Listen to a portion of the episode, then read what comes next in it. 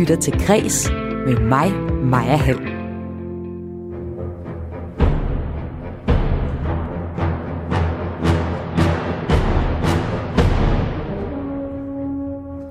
Nogle er vilde med horror. Også selvom, at ja, man kan jo sige, det er i virkeligheden ikke en særlig rar oplevelse altid at være vidne til live. Da vi skulle gå ind i labyrinten med sådan et lys i hånden, så man kunne ikke se særlig meget, og så lige pludselig sprang folk ud efter mig, og jeg skulle gå forrest. Det var jeg ikke så... der, der havde jeg det meget sådan, skat, kom her, kom her, kom her. Alligevel så var hun vild med at besøge det her oplevelsesteater Haunted Castle på Koldinghus, som er det, jeg sætter under lupen i dag her i øh, Kreds. Fordi horror er sådan lidt en ufin genre, og den bliver sådan set ned på af anmeldere. Men den tendens er ved at ændre sig. Og jeg ser i dag på, hvorfor horror kan sammenlignes med porno, og hvorfor genren aldrig, øh, aldrig rigtig er blevet god smag, selvom den har den her kæmpe publikumsappel. Jeg kan godt tænke mig at høre fra dig, der lytter med. Hvad er dit forhold til horror-genren? Skriv ind på 1424. I beskeden skriver du R4, mellemrum din besked. I dagens program så vender jeg også øh, de kulturnyheder, der har været her i dagen og de sidste par dage. Du kan høre om droner, som arkeologer sætter ind i jagten på skjulte fortidslevn og værdifuld kulturarv. Jeg giver dig også en nekrolog på det danske damerockband Nilsson Kant, der er stoppet samtidig med, at øh, de har udgivet et virkelig stærkt album. Og så skal vi også vende et computerspil, som øh, brugerne ikke er sådan helt glade for, hvad det lige er, det er kommet til at blive. Fordi de lovede noget mere, end de kunne holde. Men først, så skal vi snakke om droner, der kan afsløre skjult kulturarv for luften. Og de kan måske faktisk også være med til at lave et arkeologisk Danmarkskort. Moselivet Gravbællemanden, det fandt en mand, fordi han gravede tørv uden for Silkeborg. Guldhornene blev fundet på en mark i Sønderjylland, og fælles for de her to stykker kulturarv er, at de blev fundet fuldstændig tilfældigt. Og en masse ting er ikke fundet endnu, og en masse andre ting er endda gået i stykker, inden de er blevet fundet. Men det skal der laves om på nu. Mads Dengsø Jensen, seniorforsker og Ph.D. ved Nationalmuseet. Velkommen til dig. Ja, tak. Ja, arkeologer, I griber nu ned i øh, man sige, den moderne teknologikasse og trækker dronerne ja. op i jagten på nyt guld. Hvordan kan droner sikre, at øh, vi ikke får hakket den næste gravbællemand i øh, stykker? Ja, det kan det jo, fordi at vi ligesom forsøger at øh, kombinere to forskellige teknologier, som har set meget stor udvikling her de sidste 10, 12, 15 år. Det er jo dronerne, som de fleste kender. De er jo kommet ned i et prisniveau, øh, hvor man faktisk kan købe sin egen private. Og så er det lidt mere tekniske udstyr, som, øh, øh, som magnetometerundersøgelser og LIDAR-scanninger, som vi skal sætte på de her droner. Det er sådan, som, øh, som vi kender det for vores egen mobiltelefoner og computer, så har vi jo nu fået øh, meget, meget mere kraft, og de bliver meget lettere, og de bliver meget, meget mindre. Og det gælder også for de øh, teknologiske udstyr, vi har til at lave geofysiske øh, undersøgelser af jordfladen, som vi kan nu er blevet så lette, at vi rent faktisk kan sætte dem på droner, så vi kan flyve rundt med, flyve rundt med dem. Men, men hvad er det, at dronerne skal hjælpe jer med, sådan at øh, der ikke, vi ikke kommer til at hakke sådan en kravnbøllement i stykker? Altså indtil videre nu skal vi jo i projektet Arkeo skal vi lave en, eller anden for en, en produktudvikling. Øh, på den længere sigt skal vi jo øh, lave en kortlægning af de øh, øh, forskningslevn, vi har i de sådan lidt mere udsatte miljøer, kan man sige, og specielt de miljøer, som er under vand, det vil sige moser, øh, søer og, og de lave kystniveauer, fordi vi nu kan flyve hen over det med en drone og kortlægge, hvor det er øh, værdifuld kulturarv, der ligger nede gennem jorden. Så når du ellers har arbejdet som arkeolog, så er det noget med vaders på og ud i moserne og, og stikke lidt rundt og se, om der kunne være noget. Og nu yes. kan I så have en, en drone til at ikke bare fotografere, men også se, hvad det er for nogle forskellige lag af jord, der er de forskellige steder. Ja, lige præcis. Altså, den har et øh, elektromagnetisk felt under sig, som så øh, egentlig dykker ned i jorden, kan man sige, og laver en øh, analyse af de øh, forskellige typer ledningsevner, som, som jordlag har, eller som metaller har, eller som sten har. Så vi får en, en kortlægning af de ting, der er i de øverste jordlag. Det er jo så egentlig et billede, vi får af, hvad der er i jorden. Men samtidig laver vi også en scanning af jordoverfladen, så vi får også en form på jorden, kan man sige. Så vi har både et billede og en form, vi bruger. Og det er en såkaldt LIDAR-scanning, som folk måske kender også, når de, når de søger på nettet med, med øhm, konturkort og sådan nogle ting der.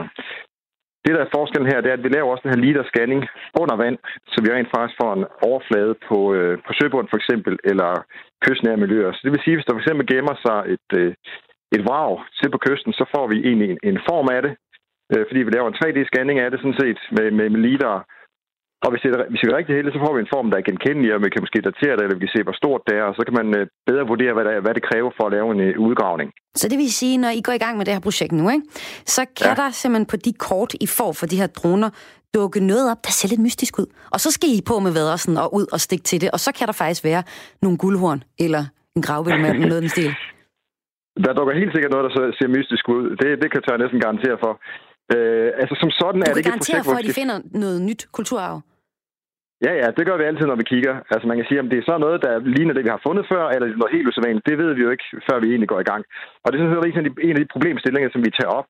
Fordi vi forsøger egentlig at skulle kvalificere, inden vi stikker spaden i jorden, hvad det er, øh, øh arkeologen egentlig kommer til at finde, når han øh, laver udgravningen. Det vil sige, at når man skal prospektere nye øh, brohoveder, eller øh, vejforløb, eller ny sportshal osv., så vil man kunne sende en drone hen over først, og så se, jamen, hvad er der potentielt set, der skal udgraves, inden vi går i gang med at lave udgravningen. Okay, og, og her kommer vi så ja. også tilbage til den pointe med, at man kan komme til at hakke tingene lidt i stykker, inden yes. man har finder det. Er der nogle eksempler mm. på det i historien? Det gælder altså, der er mange af. Der er selvfølgelig mange af dem. Altså, nogle, nogle af de ting, som er sådan mest grælde, er de her store hvad skal man sige, ressourceudvindinger, som, som, har, har, som har været i de sidste par hundrede år. Et godt eksempel er sådan, øh, ja, hvad hedder det, øh, store flintminer, der er behov i, i Vendsyssel, hvor man udvindede kalk, øh, udvandt kalk, og hvor den øh, kære professor Becker, som var på Københavns Universitet, kom forbi en dag og kunne se nogle mærkelige skakter, der ligesom gik ved det her kalk her, og blev så mærkelig på, at det rent faktisk var, øh, hvad hedder det, flintminer fra øh, bundestenalderen, han havde set. Hvis man kunne forestille sig, at vi havde, havde haft mulighed for at flyve rundt med dronen for de her 60-70 år siden, så ville det være en af de ting, vi meget, meget let kunne se, at der var rent faktisk et oldtidslevn her, som man overhovedet ikke var opmærksom på, inden man ville gå i gang med at lave en råstofudvinding af kalk. Der kunne man have forhindret det ved at lave en scanning af, af, af området først. Og noget af det, du så skal kigge på, det er på øh, Sjælland, hvor, øh, hvor du har, du kender egentlig området meget godt, men nu skal dronerne ja. så lige til at kvalificere det lidt bedre at lave et slags øh, Danmarkskort over, hvor der kunne være noget kulturarv at hente. Hvad ja. håber du sådan helt konkret at kunne finde? Altså, den plads, som jeg selv er koblet mest op på, er, er, er Tisø på Vestjylland, der ligger ved Tisø, øh, øh, lige ved lige Øst for Kalundborg. Øh, her har vi en, en meget, meget rig øh, metalplads, som ligger på tørt land, som, som man kan sige. Øh, den er ligesom indrammet af Tisø mod øst, Halvbjørg mod syd, og et ret stort øh, vådvandsområde mod vest, der hedder Maderne. Og lige præcis de tre områder har vi meget, meget dårligt styr på, hvad der er. Vi ved rigtig godt, hvad der er på, på tørt land, men hvad er der i søen? Hvad er der tæt på åen? Og hvad er der ude i, i, i mosen, så at sige? Hvad kunne der det er være? Ting, som...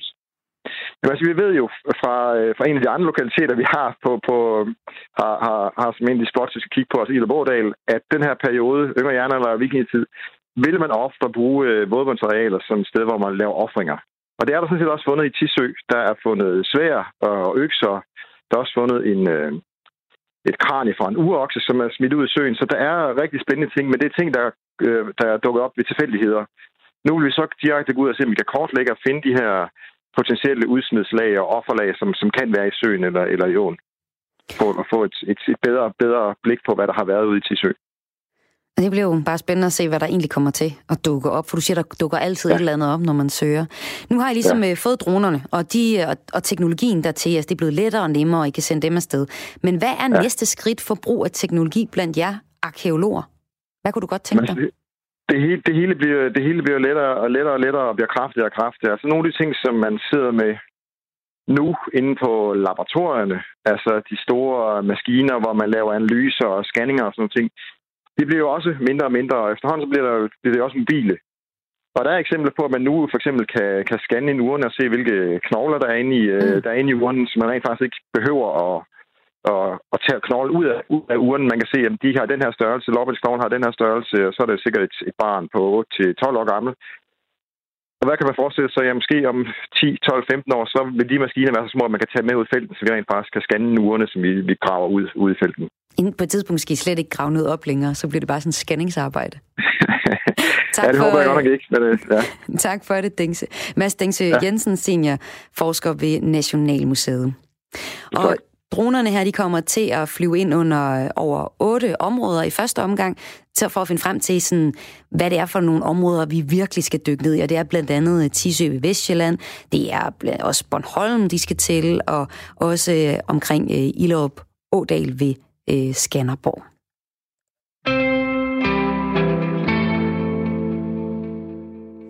Hver dag i Kreds, der kigger jeg nærmere på et aktuelt værk og undersøger, dissekerer og perspektiverer på det. Og nu er vi nået til at åbne dagens værk, eller kulturoplevelse, om man vil. Som i dag Mm, er nok for dem med sådan rimelig stærke nerver. Museet på Koldinghus i Kolding byder nemlig på oplevelsen Haunted Castle, der kan, og her kan folk med hang til gys og horror møde levende vampyrer og monstre i natten på sådan en helt mørklagt borg. Men hvad sker der egentlig lige for folk, der står i kø og frivilligt betaler for at blive skræmt for vid og sans?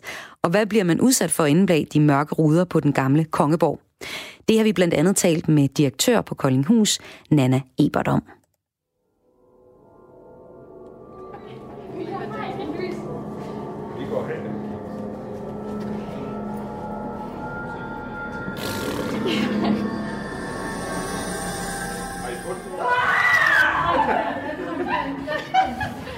Okay, vi skal bare holde øje med, at der kommer nogen bag os. Mit navn er Nana Ebert, og jeg er konstitueret direktør på Koldinghus. Og i aften er der premiere på Haunted Castle på Koldinghus. Og Haunted Castle er et koncept, som vi har afprøvet tre, for tredje år i træk, sammen med Dystopia Entertainment, som er et, en horrorvirksomhed, som lige præcis lever af at lave gys og gro og horror i deres Haunted House. Nu har vi i stedet for et Haunted House lavet et Haunted Castle, hvor vi mørklægger slottet og øh, indbyder gæsterne til at besøge et, et hjemsøgt slot. Der er lyd og lys og effekter og kostymer og sminke, og det er et form for øh, total teater med horror og gys og gru. Og herovre har vi kigget, det går finde en hjørne.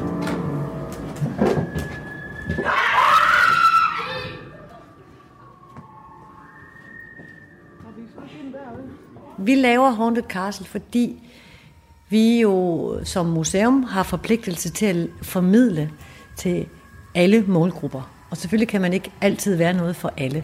Men det her med at mørklægge slotte, det ved vi er noget, der virker i forhold til de unge. Vi har lavet fokusgruppeundersøgelser, øh, og det viser sig, at de unge har sagt, at vi vil gerne komme på Koldinghus, hvis, det, hvis der sker noget uhyggeligt. Øh, hej, jeg hedder Niki, og jeg er 21 år gammel.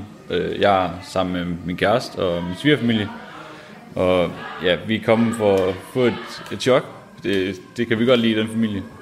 Øhm, for eksempel, de ja, går rigtig meget op i Halloween. Så når det er Halloween, så skal vi alle sammen klædes ud og skræmme alle børnene helst. Så øh, vi går rigtig meget op i, at blive skræmt. Det, der kan gøre mig rigtig bange, det er, når det er rigtig uforudsigeligt. Øh, for det meste, så kan jeg godt forudse, hvad der skal ske, og det håber jeg på ikke sker i aften. At jeg bliver chokeret ved, at der kommer det uforudsigelige. Jeg har ikke tidligere opsøgt horror. Øh, jeg vil da gerne gøre det i fremtiden, hvis det giver mig et kick i dag, som giver mig lysten og se om kæresten vil med i fremtiden. Jeg med talismanerne skal igennem den første dør, der står herude. Og jer med grebet skal igennem døren, der står herude. Og hurtigt! Vi har ikke meget tid! Der. Tilbage, tilbage, jeg har fundet det. Slottet er jo i sig selv en fantastisk kulisse. Der er gamle mursten, der er store sale. Så det vi har valgt, det er simpelthen at mørklægge slottet. Så når man kommer som gæst udefra, så bliver man mødt af et mørkt slot, og man går ikke ind af hovedindgangen, man går ind af en sideindgang.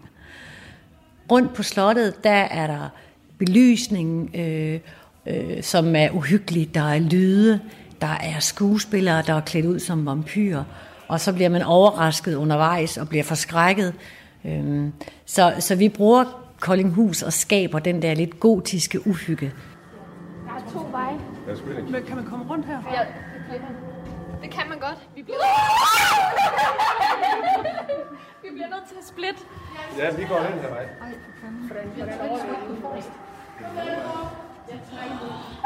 Hvem har korset? Så tror jeg, I skal gå den vej. Nogen vil måske sige, at det er et billigt trick at øh, lave et slot om til et spøgelseslot og fortælle historie om vampyrer. Men jeg synes faktisk, at historien om vampyrer er en væsentlig del af vores kulturhistorie. Det er jo sådan, så vampyrerne, øh, som troede man på i 1700-tallet, ligesom man før 1700-tallet troede på hekse. Så det her med øh, at overtro var jo faktisk en tro i gamle dage, og det er en fortælling, som er vigtig øh, for os i dag. Så jeg synes, øh, vampyrer øh, er en del af vores fælles kulturarv. At vi så pakker det ind i, i kom ikke at høre et foredrag om vampyrer, men kom og opleve det selv. Det er jo en måde at tiltrække en gruppe, som normalt aldrig ville sætte deres ben på et museum. Jeg hedder Signe Rebecca Pørksen. Jeg er 21 år gammel, og jeg har sammen med min kæreste, min familie og min gudmor. Jeg håber på, at i aften bliver virkelig uhyggeligt, og at jeg får et adrenalinkick, fordi det er det, jeg godt kan lide, og det er derfor, jeg har. Jeg har ADHD, så det er sådan lidt, det, når man får et adrenalinkick, når man har ADHD, så øh, bliver man rolig bagefter. Så derfor kan jeg godt lide det, så det er sådan lidt det, jeg søger nogle gange. Søger du det andre steder også? Øh, ja, for eksempel når jeg tager i forlystelser, eller ser gyserfilm eller sådan noget. På jeres arm, der har I to livsbånd. Det er jeres livskraft, og de her skal I passe på. Fordi monstrene og de væsener, I kommer til at møde, har mulighed for at tage dem fra jer. I kan bruge de her livsbånd til at handle med, for de talismaner, I måske har glippet på turen. Så pas på dem. Men det er ulovligt at binde dobbeltknude, og det er ulovligt at holde hånden på dem, så monstrene ikke kan komme til. Så håber jeg, I får en rigtig uhyggelig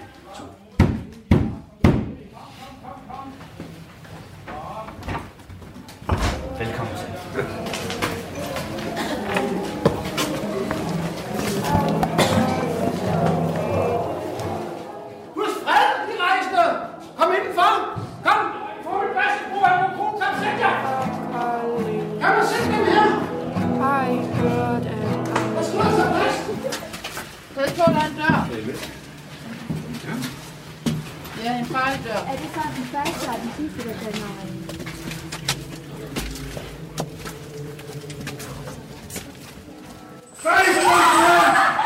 sidste, på Koldinghus. De har besat mandskabet.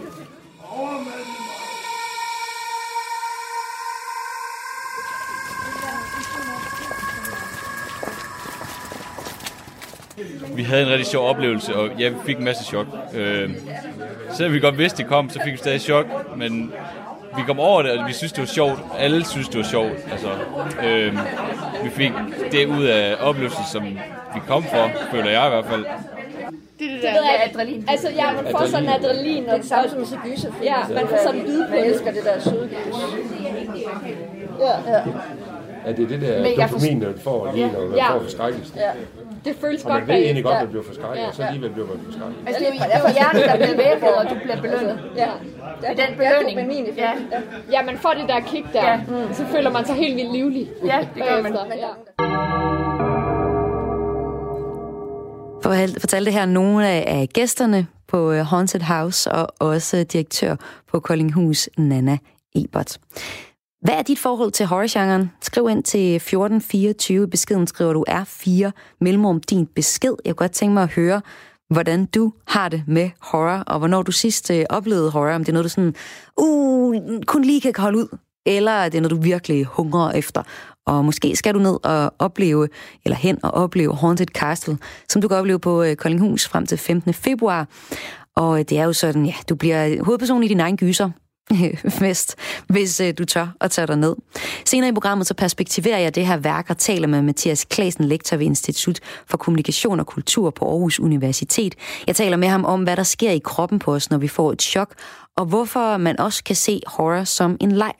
Vi skal også tale med øh, tv- og filmkritiker Anne Andreas Halskov. Han skal gøre os klogere på, hvorfor man godt kan sammenligne horror med porno, og hvorfor genren aldrig rigtig er blevet god smag, selvom den har en ret stor publikumsappel. Det viser det i hvert fald øh, på de mange forskellige og mange folk, der allerede nu er kommet til øh, Haunted Castle i Koldinghus.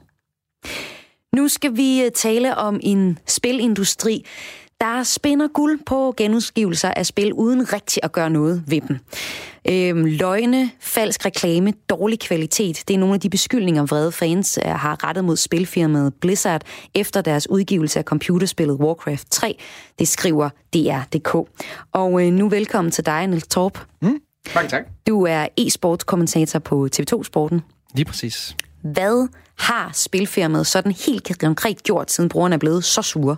Det, der er sket i forhold til, til udgivelsen af det her spil her, Warcraft 3 Reforged, øhm, som det er, det er, at de har taget et, et gammelt spil, Warcraft 3 Reign of Chaos, som det hedder, da det blev udgivet, og så har de lavet en, en ny, moderne udgave af det, hvor de har sagt, at jamen, vi vil tilføje en masse ting til spillet, som vi synes, det manglede i første omgang. Vi vil selvfølgelig opdatere grafikken, som mange spilfirmaer gør med de her remasters. Og så vil vi generelt fikse nogle af de fejl, der var i spillet, da det blev udgivet i første omgang. Og det lyder jo mega fedt for alle os, som, som har spillet i Warcraft 3 eller nogle af de gamle andre spil. Vi vil gerne prøve at spille det der, få no- nostalgien igen og tænke, yes, det er ligesom de gode gamle dage. Og øh, ja, det er jo så ikke gået så godt. Nej, på anmeldelsesitet uh, Metacritic har 23.784 fans tilkendegivet deres holdning til spillet, altså mange. Mm. Og i uh, skrivende, altså lige nu, så har uh, spillet en score på 0,5 ud af 100 altså, det må virkelig være slemt, det her. Ja, men det er, der er også det her med, at, øh, at, at når, når folk på internettet, der går virkelig meget op i et produkt, de er meget uenige med dem, der så har lavet produktet, så bliver den også, hvad skal man sige, lavere, end hvad man vil regne med. 0,5 i forhold til en, til en filmanmeldelse er jo, altså, det ved jeg ikke, om Cats er den eneste, der kan sammenlignes med det i, i senere populærkultur. Men det er i hvert fald noget, hvor at de mennesker, som egentlig skulle være slutbrugerne på det her produkt her, de er så utilfredse med, hvordan produkt, slutproduktet er blevet, at de simpelthen går fuldstændig modsat på det. Der er ikke nogen gang, der er nogen, der gider at spille det rigtigt, fordi de ved, det bliver et, en dårlig oplevelse. Lad os lige prøve at se, hvad det er, de har, har lovet. Øhm, jeg har her traileren til Warcraft 3. Den får du lige over her. Mm. Øhm, så hvis du vil beskrive den, mens jeg lige sætter øh, den på her. Der prøver vi at time. Warcraft 3 er jo, hvad skal man sige, et spil, der er bygget i Warcraft-universet, som Blizzard har opbygget. Og det vi ser, øh, og jeg hører lige nu, det er simpelthen et, et overview af de forskellige karakterer, der kommer i spillet. This entire city must be purged. What? Vi, øh, vi ser nogle af de karakterer, som blev introduceret til, til det her univers, der senere er blevet opbygget i World of Warcraft, øh, og, og får ligesom noget viden om dem, og, og får lov til at tænke, okay, nu kommer hele den her kampagne, nu kommer hele historien om, om heltene i det her univers. Vi kan spille det igen, det ser bedre ud, det er hele opdateret, og måske også kommer der nogle, nogle nye ting her og der. Og det er det, alle ligesom gik, da den her trailer her, den blev released, og så tænkte man, yes, vi får lov til at få den samme oplevelse, få den samme nostalgi, men alt er bare opdateret og alt det, det spiller, som det burde gøre, når et spil det blev releaset i, i 2020. Men øh, hvad, var, hvad var det så, der kom? jamen for det første, så øh, det skriver de også selv her i traileren, øh, at jamen, de her billeder her, det er jo ikke det endelige produkt, og I skal jo heller ikke blive alt for, alt for opstemte. Altså, det er stadigvæk bare en trailer, og dem er Blizzard rigtig gode til at lave. Men det produkt, der så udkom, var langt fra øh, det, det, som det ligesom lignede, det skulle være i traileren. Faktisk vil nogen mene, og det er der nogen, der har skrevet på internet, og jeg vil være, til dels være enig, at at spillet i sig selv egentlig er en direkte værre udgave end det gamle spil, ja. der blev releaset for, øh, for 20 år, ej ikke 20 år siden, 18 år siden vil jeg gætte på. Øh, fordi der simpelthen er, er, mange af de fejl, der var i det originale spil, er ikke blevet rettet. Så det eneste, de har prøvet, det er bare at opdatere grafikken, sælge til 30 dollars, er stiger sted. Men det er jo også det, de så siger her, fordi at øh, spilfirmaet Blizzard, de tilbyder mm. for det første fansene at få deres penge tilbage, ja, hvis, de ude, hvis de er utilfredse. Det har taget lidt tid, hvis nok, at få komme dertil, men det gør de nu. Og så har deres øh, community manager Randy skrevet, hvor de er blandt andet bragt i øh, Game Reactor, at vi ønskede ikke, at spillet skulle være for langt fra det originale spil. Øhm, mm. Kampagnerne de fortæller om de klassiske Warcraft-historier, og vi ønskede, at det bevarer den sande ånd i Warcraft 3, og at spillerne havde mulighed for at genopleve de her uforglemmelige øjeblikke, som de var, parentes, om end genopbygget med nye animationer og den øh, ja, lidt fløjere, flottere grafik. Mm. Ja, de, står de ikke inden for det, de egentlig siger? Jamen, det er jo så det der spørgsmål, om man siger, hvad, hvad, hvad en reforged eller en remastered udgave skal være. Skal det bare være et, en, et nyt skin, du smider oven på en engine? Det er det, man kalder det i spilverdenen. Noget, noget nyt tøj, du smider oven på en, en gammel person, ikke? Som du allerede har mødt og har kendt, og du vil gerne måske prøve noget nyt. Og det er det, der er lidt problemet med det her, fordi hvis det bare er et skin, der lægger ovenpå, så burde det nok ikke koste 30 dollars. Når du tænker på, at der spillet det udkom til sin tid, det fulde spil, så koster det cirka det samme også. Så det, det er altid svært at lave den her sammenligning. Det, som folk de havde regnet med, og det var også det, som Blizzard var ude at sige nogle steder, at de ville fikse nogle af de fejl, der var i spillet. Der er en masse ting, små ting i spillet, fordi det er så mm. gammelt, der ikke fungerer længere. Det, de så har gjort, det er, at de har ikke fikset de fejl, lavet en, en minor update på grafikken. Nogle steder er den faktisk værre, fordi at den engine, det der kører spillet, er jo stadigvæk den gamle engine. Så nogle af tingene virker ikke rigtig den måde, som det egentlig skal virke på. Og sidst men ikke mindst, så er de simpelthen fjernet muligheden for at spille den gamle version af spillet. Du skal hente den helt nye, mm. der fylder mega meget, så alle brugerne, der ikke engang gider købe den nye her, de skal bruge tid nu på at opdatere deres spil. Deres spil. De kan jo løbe afsted med det. Kommer vi til at se mere af det her? Jamen, det er jo ikke første gang, det, her, det sker. Øh, og det er heller ikke sidste gang. Øh, der, der er sådan en stor bevægelse på internettet, der siger, ingen pre-orders. Fordi at hver gang der er nogen, der kommer og lover guld og grønne skove, så siger de, I kan forudbestille det her spil her. I skal bare indbetale 500 kroner eller 300 kroner, eller hvad man nu skal give for sådan et spil. Og så bliver det fedt, når det kommer. Der er en, en counterbevægelse til det, der er så sagt, der er ikke nogen, der pre-order nogen spil længere, fordi vi vil se, hvad det er, vi får for vores penge inden vi betaler for det. Og det her det er jo endnu en i rækken af et firma, der har lanceret det her pre-order-system, og så folk de er blevet skuffet, når de fik deres produkt. Lige til sidst, vil du opfordre til det her? På ja, ingen pre-order, ingen pre-orders. Og så spille spil, som, øh, som er gratis eller koster ingenting, så som Counter-Strike i stedet for. Det er givet med videre her, øh, Nils Top, e-sports kommentator på TV2. Tak fordi du var med. Tak, tak. Du lytter til Græs med mig, Maja Hall. Og så er det blevet tid til at gøre lidt reklame for ugens kreds. Ugens kreds, det er der, hvor jeg inviterer dig, der lytter med, til at opleve noget kunst. I kreds har vi øh, valgt at give dig muligheden for at anmelde udstillingen Pixar, der er på Kunstmuseum Brands i Odense. I, øh, på udstillingen der får man øh, et unikt indblik i Pixar-universet med de originale skitser og figurer bag de store film. Det fortæller Mathias Rode, kunstformidler ved Kunstmuseum Brands. Det, man kan opleve på udstillingen, er jo at få et indblik i, hvordan de her historier bliver skabt, og få et indblik i, hvordan Woody er blevet skabt for det første. Han startede faktisk sjovt nok med at være en meget usympatisk karakter, som skulle være en lille smule ond. Men det blev heldigvis ændret sådan, at han selvfølgelig er meget mere sympatisk og meget mere elskelig i forhold til, hvordan filmen er i dag. Og det kan man få et indblik i på udstillingen, og det synes jeg virkelig er fascinerende. Man får sådan et, et indblik i, at det er en lang og meget krævende kreativ proces, hvor der sidder hundredvis af mennesker og og arbejder i overvis på at skabe et produkt, som så i sidste ende varer måske 90 minutter. Øhm, ja, det er meget fascinerende. Og det får man et meget tydeligt indblik i i udstillingen. Hvordan adskiller lidt... det sig fra at opleve de levende figurer på lærredet?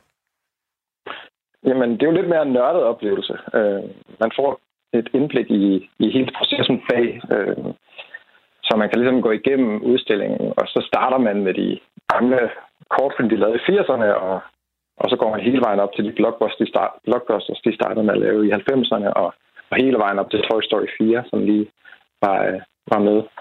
Og nogle af de ja. projekter, man kan komme bagom, eller de film, man kan komme bagom, det er Monsters Inc., det er Find Nemo, Coco, Biler, Inderst Inde, øh, Modig og Wall-E og Op. Men øh, hvad synes du egentlig særligt, man skal lægge mærke til, hvis man tager ind og ser den her udstillelse? Udstilling, udstilling hedder det. ja, jamen det jeg synes, der er noget af det allerfedeste, det er, øh, det er faktisk at få et indblik i, øh, øh, hvordan de her karakterer startede med at være øh, på en måde, og så er endt med at være på en helt anden måde. Og det gælder både for Woody, men det gælder faktisk også fra, for Buzz Lightyear, hvor han startede faktisk med at hedde Lunar Larry, og var sådan en lille, øh, tyk, øh, sjov rummand, øh, som man ikke rigtig kunne finde ud af, hvordan det skulle fungere. Han endte så heldigvis med at hedde Buzz Lightyear. Men øh, det samme gør sig gældende med Sully fra Monsters Inc., som også var sådan en, til at starte med sådan en blæksprutte-type. Øh, meget uhyggeligt, i, altså meget uhyggeligt i forhold til, hvordan han endte med at være. Selvom han er et monster, så er han jo stadig sådan en hyggeonkel i dag.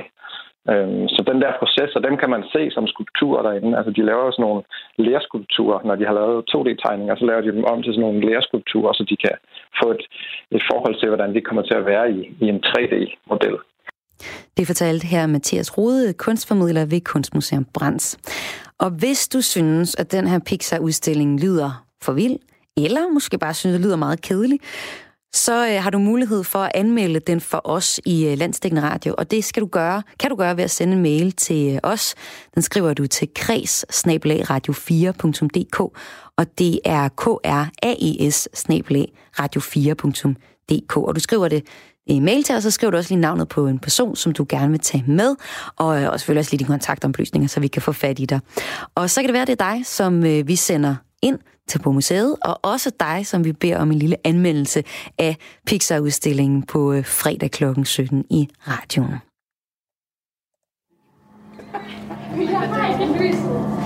Vi går hen.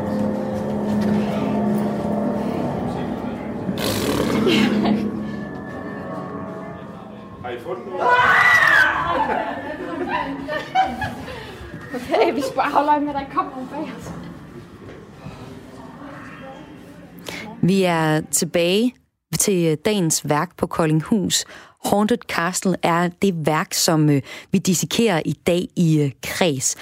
Og øh, det kan jo være meget nærliggende at spørge, hvorfor mennesker frivilligt opsøger horroroplevelser. Fordi handler horror måske i virkeligheden om, at frygt også kan være sjovt? Det skal jeg snakke med dig om. Velkommen til dig, Mathias Klasen, lektor ved Institut for Kommunikation og Kultur ved Aarhus Universitet. Tak. Du har forsket i frygt og undersøgt, hvordan vi reagerer, når vi frivilligt lader os forskrække, for eksempel her på Haunted Castle i Koldinghus, eller på Koldinghus. Hvorfor sådan helt generelt opsøger vi de her uhyggelige stunder? Ja, det er jo super paradoxalt, kan man sige, fordi det det. Øh, altså, frygt er jo en følelse, som ikke er behagelig. Øh, og en følelse, som har et meget klart sådan biologisk rationale, at den skal beskytte os mod fare. Ikke? Øh, men det viser sig jo, at rigtig mange mennesker frivilligt opsøger skrækkenærende underholdning. Øh, og jeg tror, det handler om, at vi godt kan lide at lege med, med frygt. Altså, det kunne vi også høre i jeres indslag før, at der er mange af de der gæster, der siger, at øh, det får noget adrenalin i gang, og når de taler om dopamin og følelser i live og sådan noget. Så. Ja, der er endda en, der bruger det sådan øh, medicinerende, mm. øh, fordi hun har en, en diagnose, og så synes hun ligesom, det hjælper ja. hende til at slappe mere af bagefter. Mm. Så det er noget fysisk reaktion, vi egentlig får ud af det. Det er noget af det. Altså det, det er på flere niveauer. Det er klart fysisk og sådan biokemisk, men det er også øh, psykologisk. Altså der er en, en tilfredsstillelse i at afsøge sine egne reaktioner via gys og horror. Og i klippet, der hører vi jo sådan blandt andet det her tunge vejrtrækninger, og en, der sådan siger, som, øh, som hun laver med læberne, sådan, og så den der forløsende latter bagefter. Mm. Er det sådan, vi reagerer på, eller hvorfor reagerer vi sådan på det? Ja, det er ret, det er ret klassisk. Altså, man, man kender godt det der med at sidde i en biograf, eller sidde derhjemme og se en gyserfilm med nogle andre, og så kommer der et eller andet kæmpestort jumpscare, og alle skriger, og så bagefter så griner man. Øh, og det er dels for at vise, at man er okay. Ja. Øh, og sådan en lettelse over, at der ikke skete noget, øh, og sådan en afvæbnende signal også. Altså, er der en bestemt type mennesker, som der opsøger gys?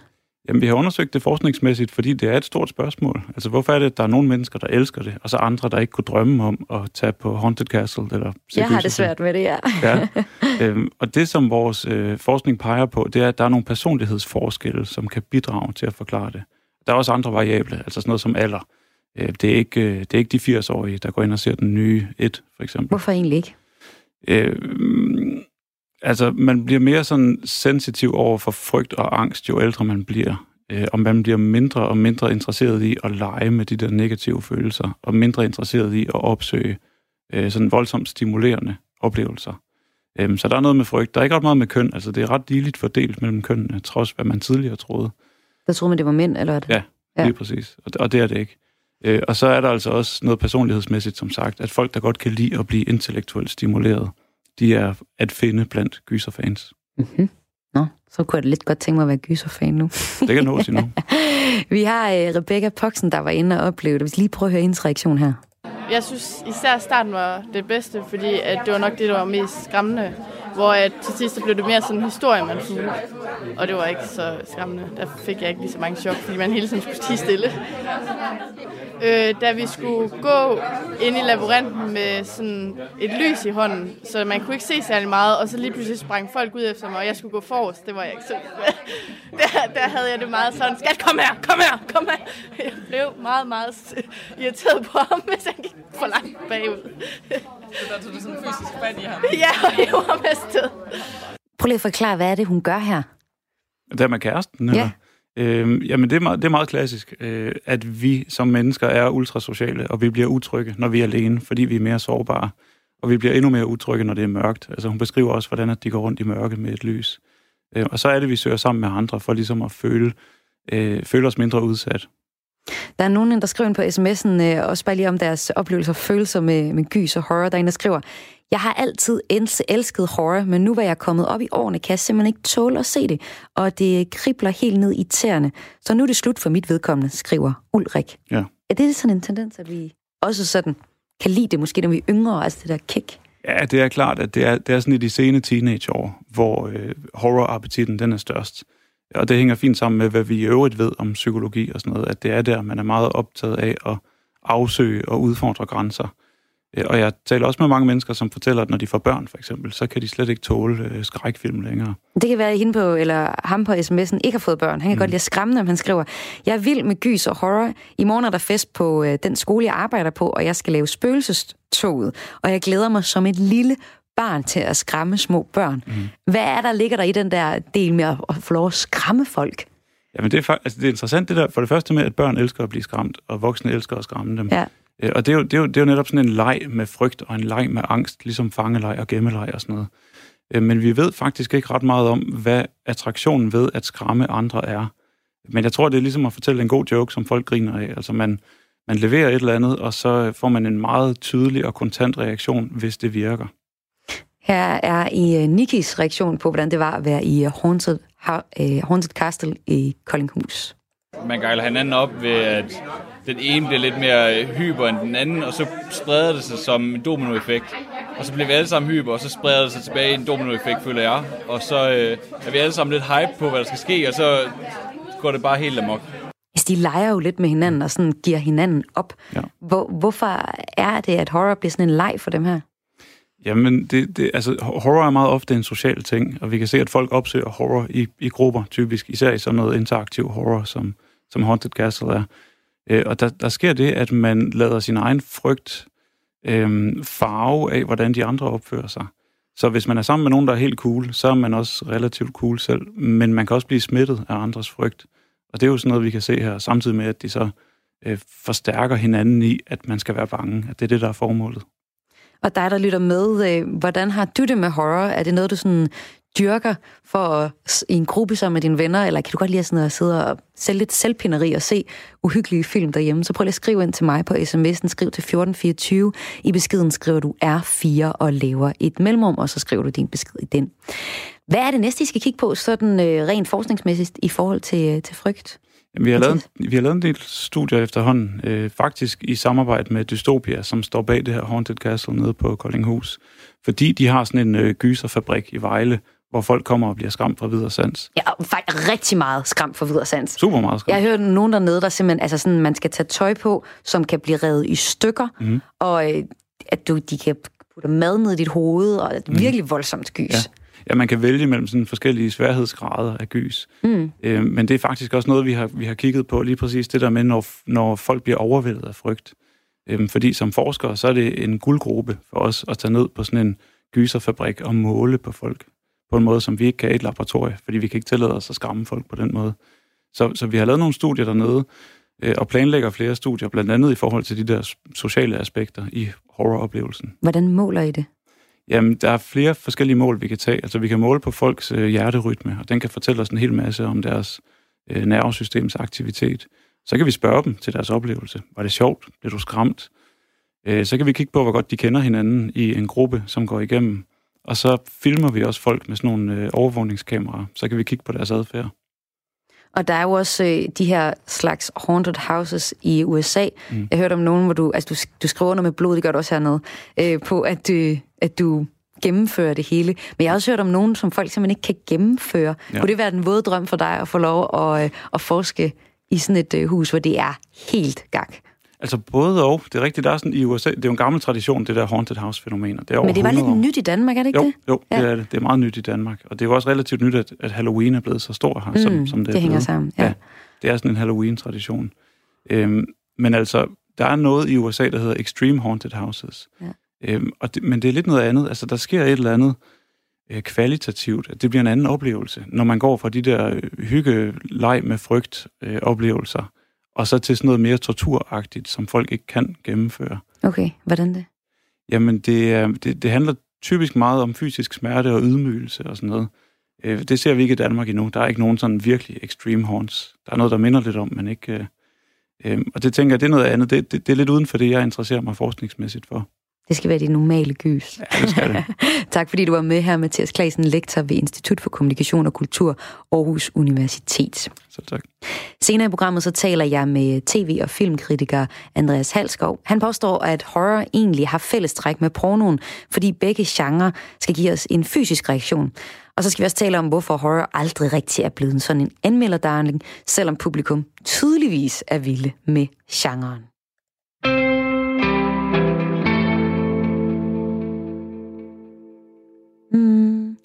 Og jeg tror lige, jeg er blevet lidt væk i mine ting her. Men så er det godt, jeg er tilbage igen.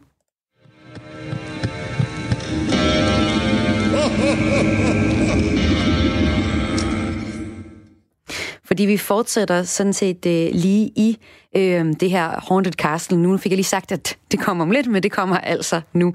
Vi er nemlig tilbage i dagens værk, som er Haunted Castle på øh, Koldinghus. I første del var vi på besøg på borgen og talte med deltagerne, som både var skræmte og begejstrede. Herefter så gjorde øh, Mathias Klasen, han har lige gjort det, øh, lektor Institut for øh, Kommunikation og Kultur, også klogere på, hvad der sker i kroppen på os, når vi bliver udsat for frygt.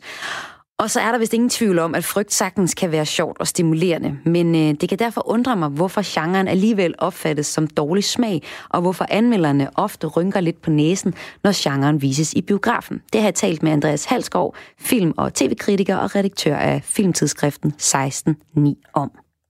Horror i sin øh, rendyrkede form er elsket af publikummet, men øh, bliver ofte set ned på af anmelderne. Det mener du, Andreas Halskov. Hvorfor? Øh, jamen, det kan jo skyldes mange ting, men altså, til at starte med, så vil man typisk, det er i hvert fald det, som forskeren øh, Linda Williams, hun, hun siger, så vil man kalde horror en slags kropsgenre. Og det vil sige, at den først og fremmest har til formål at fremprovokere en eller anden form for fysisk eller kropslig respons. Øh, det er klart nok, at det jo umiddelbart er at få publikum til at gyse eller vække en eller anden form for redsel, måske ligefrem vemmelse i dem. Og det hun siger, Linda Williams, det er, at øh, kan man sige, en ting er, at næsten al genrefiktion, det ser vi lidt ned på i forhold til de film eller produkter, som vi synes overskrider grænse, eller genremarkat. Ikke? Altså vi synes, at kunstfilm, øh, det er typisk nogen, der ikke kan passes ind i en eller anden genrekategori. Det synes vi har en eller anden større grad af lødighed. Det er der mange, der synes i hvert fald. Den anden grund er så altså, øh, ifølge Linda Williams, særligt de genrer, som primært har til formål at fremprovokere en eller anden form for fysisk respons, dem ser vi sådan yderligere ned på. Måske fordi, at øh, vi vi har et eller tvivlsom forhold til det, til det kropslige. Det ved jeg ikke, om det er derfor, men det, det gælder altså alle de tre genrer, som hun nævner som typiske kropsgenre. Melodramaet, der først og fremmest har til formål at vække en eller anden form for tristhed, eller måske ligefrem produce, producere tårer. Ikke? Øh, pornografien, hvis umiddelbare fysiske fremprovokering er ret klar og ikke behøver at nævnes yderligere. Og så altså horror-genren, øh, som på forskellige måder kan fremprovokere en eller anden form for uhygge, en gysen eller ligefrem en, en gro i publikum. Øh, måske er det derfor, at vi sådan har tendenser til at se lidt ned på genren, og også indimellem at reducere øh, genren i forhold til alle de kvaliteter, den har. Men som øh, horror-fan, det må jeg godt kalde dig, ikke? Jo, det kan du godt kalde mig. Ja. Øhm, er det så også det, du oplever, når øh, horrorfilm bliver anmeldt? Altså, at de bliver anmeldt lidt underlødigt som ikke rigtige kunstværker?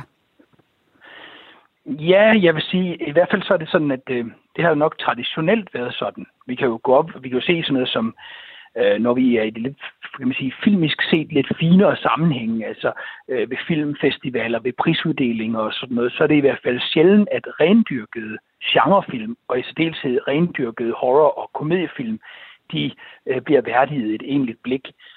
Og det er da også rigtig nok, traditionelt set har anmelderne måske også haft tendens til sådan at sige øh, noget i retning af, hvis de synes, det er et godt horrorværk, at den er god inden for sin genre eller sådan noget.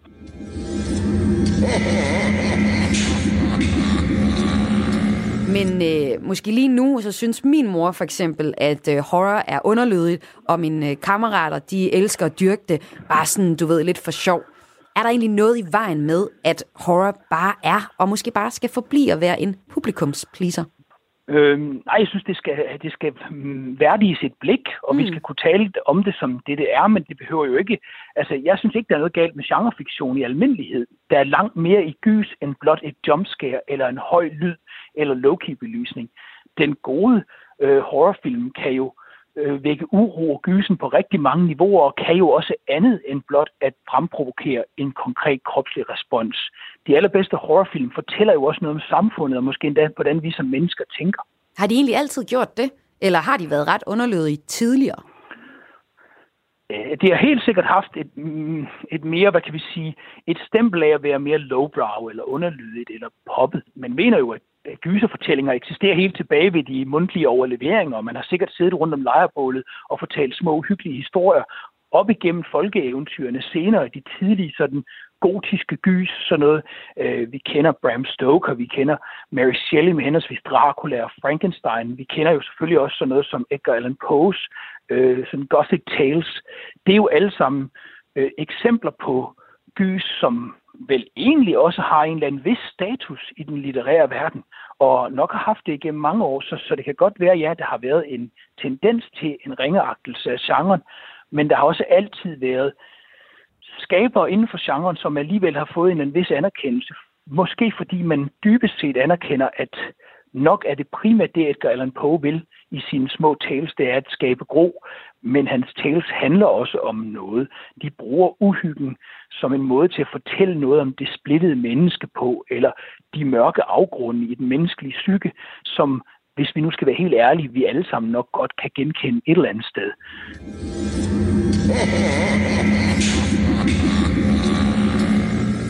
Når vi siger, at øh, horror har en tendens til at øh, have en historik af underlydighed, så kan det måske også være fordi, at vi tænker på øh, splatterfilm, fordi noget af det gamle horror, jeg har set, det er for eksempel den, der hedder Brain Dead, som virkelig er sådan en splatter massakrefilm, hvor man kan se, at det er lavet af papmaché og ketchup. Det ligner det i hvert fald, ikke? Mm. Så det kan også være noget jo. i den der øh, for, misforståelse af, hvad horror egentlig er. Altså, hvis vi tænker gysergenren som en temmelig bred genre, øh, og det har du jo ret i, måske så tænker øh, mange i dag på, når de, hvis de umiddelbart tænker på, hvad er en gyser, så tænker de måske på sådan noget som Sinister, eller også så tænker de måske på sådan noget Paranormal Activity, eller hvad der kunne være af nyere eksempler. Øh, men gyset indbefatter jo en række forskellige undergenre, der lapper ind over hinanden. Schubert, som jeg nævnte tidligere, hun kategoriserer en række forskellige. Hun taler om ungdomsgys, ungdomsgyset, som typisk handler om svære overgange i livet, for eksempel fra barn eller tidlig, øh, tidlig voksen til det egentlige voksenliv. Så, så hvad hedder det, har vi øh, jo egentlig splatteren, som du siger, eller det mere fysiske gys. Så har vi det, det videnskabelige gys, som typisk beskæftiger sig med videnskab, eller videnskabelige eksperimenter, der, der går galt, som vi kender fra for eksempel Frankenstein. Ikke? Og så har vi selvfølgelig sådan noget som det dæmoniske gys, eller det mere egentlig mere sådan overnaturlige gys. Og når nogle mennesker, tror jeg, har haft tendens til at se ned på gyset, så er det fordi, de måske ikke har anerkendt den bredde, der ligger i genren, eller for eksempel ikke anerkender de mere psykologiske gys, der måske handler om den indre splittelse eller øh, psykopatien i mennesket, som, som, øh, som en del af gyset, så er det fordi, de tænker på gys som noget, der enten er overnaturligt og har med dæmoner, vampyrer eller zombier at gøre, øh, hvilket jo også kan være kunstnerisk ganske udmærket, øh, eller øh, som noget, der har med, som du siger, lemlæstelse og blodudgydelse at gøre, hvilket bestemt også er tilfældet. Men altså, øh, hvad kan man sige, der findes fysiske gys, eller horrorfilm, der er meget voldsomme, rent visuelt, som stadigvæk er fundamentalt meget kunstneriske. Den italienske Suspiria er et eksempel på det, hvor blodet bliver næsten en del af en fantastisk malerisk palette. Der findes også gys, som er meget overnaturlige, men som stadigvæk har en en høj, synes jeg, kvalitet. Man kan jo nævne sådan noget som zombiefilmen Night of the Living Dead, og der er også utallige nyere eksempler. Ikke? Og så er der, findes der også gys, som er mere subtile i det, øh, og som måske handler mere om det indre øh, i mennesket. Peeping Tom fra 1960 er jo en smuk øh, gyserfilm, synes jeg. Og i nyere tid så netop sådan en som The Babadook er et flot eksempel på, hvordan at man kan bruge gyset til at fortælle historien om, hvad der sker, når man har mistet sin ægtefælle, og det traume, det bliver ved med at forfølge en.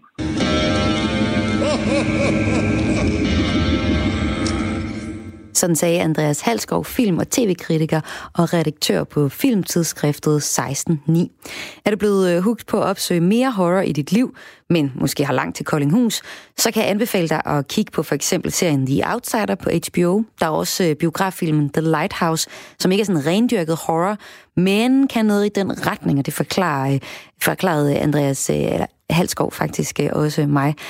Ellers så kan du måske hoppe ombord i den sydkoreanske film The Parasite. En kæmpe anbefaling for mig. Den er weird, og det er ligesom at se øh, hvad ved jeg, sådan noget øh, far til fire på ekstremt meget syre. Altså, den er så vild, og også lidt splatteragtig, men øh, ikke så splatter og horror, at man ikke kan holde øjnene åbne hele filmen. Og det siger en, som har lukket øjne under de meste, altså sådan, ja, bare en, bare en lille krimi, så lukker jeg sgu øjnene.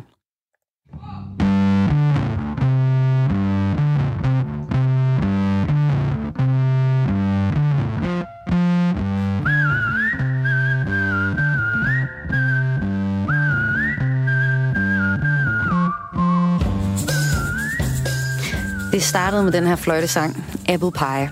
Og sådan sluttede det faktisk også, da Nelson Kane i sidste uge spillede deres sidste koncerter nogensinde.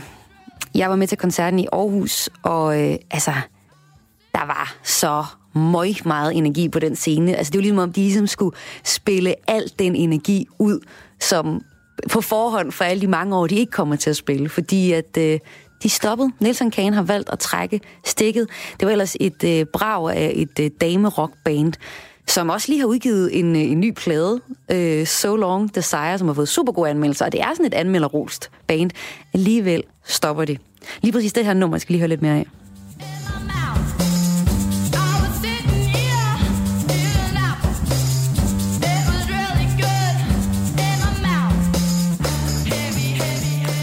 Det er sådan en klassisk øh, retro-rock, og så alligevel overhovedet ikke. De har nogle fede hook, hooks, og øh, det her nummer, det spiller de så også, i, øh, da jeg så koncerten i, øh, i Aarhus. Jeg gætter på, at de også har gjort det de andre steder, de var ude at spille de her afslutningskoncerter. Men her i Aarhus, der stod jeg lige bag ved hende, der havde været med til at lave nummeret. Og det var bare så rørende at se, fordi at øh, forsængeren i øh, Nelson Kane, Selina, hun sender sådan altså sådan helt sådan dybfølt kærlighed ud til hende. Og, øh, og hende, jeg kender desværre ikke øh, navnet på hende, der har, øh, har været med til at lave det her nummer, men hun står bare sammen med sin kæreste, og kæresten er bare sådan skulderklapper, og sådan, du ved, det er virkelig, det var godt gået det her, ikke? Så man kunne virkelig mærke, sådan, ikke bare lige der, hvor jeg er, men i hele salen, at folk sagde rigtig godt og grundigt farvel til Nielsen Kane, der bare, bare bad os om at sådan vi skulle øh, bare fejre alt det, de har fået lov til at lave sammen med os. Og øh, det gjorde de virkelig. Det var virkelig sådan en kapav-show. Og de stopper jo sådan med at sende live, eller lave live-programmer, eller ikke live-programmer, med at se, optræde live, men øh, de har jo stadig pladen, og øh, den nye plade, den er virkelig god. Lad os lige prøve at høre Limelight fra øh, So Long Desires. Lige, I hvert fald lige lidt af den kan vi godt nå. Det starter lige lidt stille her men virkelig også inderligt bare sådan, hvad sådan her. I never had so much to live for, I would have died for it. For it. I never had so much to live for, that I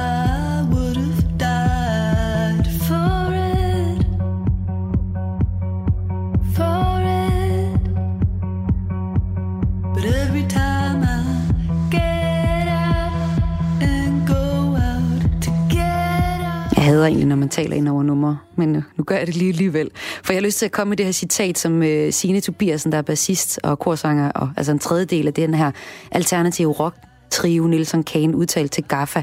Hun sagde, vi kunne aldrig have lavet det her album, før vi opgav, opgav at lave det, og vi kunne aldrig have reddet det her bane, før vi opgav at redde det. Jeg synes, jeg er ret stærkt og ret fint. Det er meget ærligt. Øhm, Nielsen Kane har været i gang siden 2011. De kommer direkte fra Odder Ungdomsskole, og de bankede derud af lige fra start. I sommeren 2012, der optrådte de på, Nil, på øh, Roskilde Festival. De har opvarmet for The Black, I, øh, The Black Keys i Tabet i København. Og de har virkelig kørt den med 100 km i timen, så meget, at forsanger Selina var lige ved at droppe sin mors bryllup. Det var alt for det her band. Men øh, som det tit ender med i øh, rockband, så var det også for meget af det gode. Det øh, endte i øh, stress og dårlig stemning. Alligevel så står musikken tilbage, og det er jeg delme glad for. Det her, det var alt det kreds, jeg havde til dig i den her omgang. Efter udsendelsen kan du finde hele programmet som podcast, for eksempel på vores hjemmeside i vores app, eller der, hvor du normalt lytter til podcast. Rigsrus og tips til kultur, det kan du sende til kreds-radio4.dk, det er K-R-A-E-S, radio4.dk. I kulturredaktionen sidder Karoline Kjær Hansen og Lene Grønberg Poulsen. Lige om lidt er der et nyhedsoverblik, og derefter er der Superklassiko, et program om klassisk musik. Men lad os lige slutte med noget rock, var.